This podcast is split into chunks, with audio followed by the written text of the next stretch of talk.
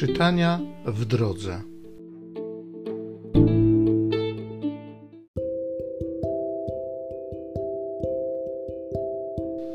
Z Księgi Mądrości. Śmierci Bóg nie uczynił i nie cieszy się z zagłady żyjących. Stworzył bowiem wszystko po to, aby było, i byty tego świata niosą zdrowie. Nie ma w nich śmiercionośnego jadu, ani władania otchłani na tej ziemi bo sprawiedliwość jest nieśmiertelna. Do nieśmiertelności Bóg stworzył człowieka, uczynił go obrazem swej własnej wieczności. A śmierć weszła w świat przez zawiść diabła i doświadczają jej ci, którzy do niego należą.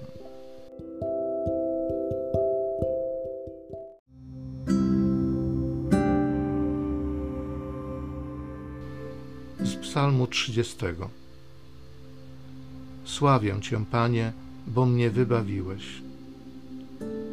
Sławię Cię, Panie, bo mnie wybawiłeś i nie pozwoliłeś mym wrogom naśmiewać się ze mnie. Panie mój Boże, z krainy umarłych wywołałeś moją duszę i ocaliłeś mi życie spośród schodzących do grobu. Śpiewajcie psalm, wszyscy miłujący Pana, i pamiętajcie o Jego świętości Gniew Jego bowiem trwa tylko przez chwilę, a Jego łaska przez całe życie. Płacz nadchodzi z wieczora, a rankiem wesele. Wysłuchaj mnie, Panie, zmiłuj się nade mną. Panie, bądź moją pomocą. Zamieniłeś w taniec mój żałobny lament. Boże mój i Panie, będę Cię sławił na wieki. Sławię Cię, Panie, bo mnie wybawiłeś.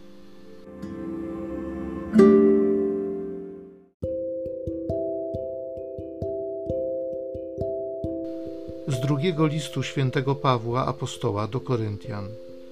Bracia, podobnie jak obfitujecie we wszystko, w wiarę, w mowę, w wiedzę, we wszelką gorliwość, w miłość naszą do Was, tak też obyście i w tę łaskę obfitowali. Znacie przecież łaskę Pana naszego Jezusa Chrystusa, który będąc bogatym, dla was stał się ubogim, aby was ubóstwem swoim ubogacić.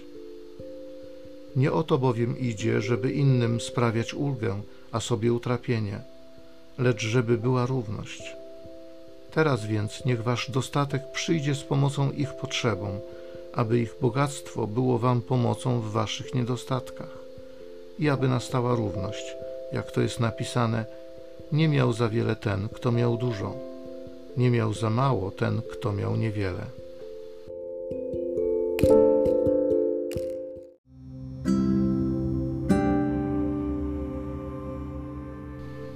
Nasz Zbawiciel Jezus Chrystus śmierć zwyciężył, a na życie rzucił światło przez Ewangelię.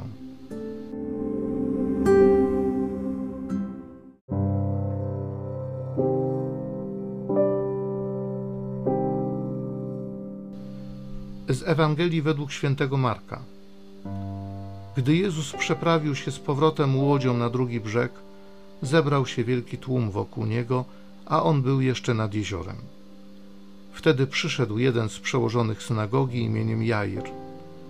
Gdy go ujrzał, upadł mu do nóg i prosił usilnie: Moja córeczka dogorywa, przyjdź i połóż na nią ręce, aby ocalała i żyła. Poszedł więc z nim a wielki tłum szedł za nim i zewsząd na niego napierał. A pewna kobieta od dwunastu lat cierpiała na upływ krwi. Wiele wycierpiała od różnych lekarzy i całe swe mienie wydała, a nic jej nie pomogło, lecz miała się jeszcze gorzej.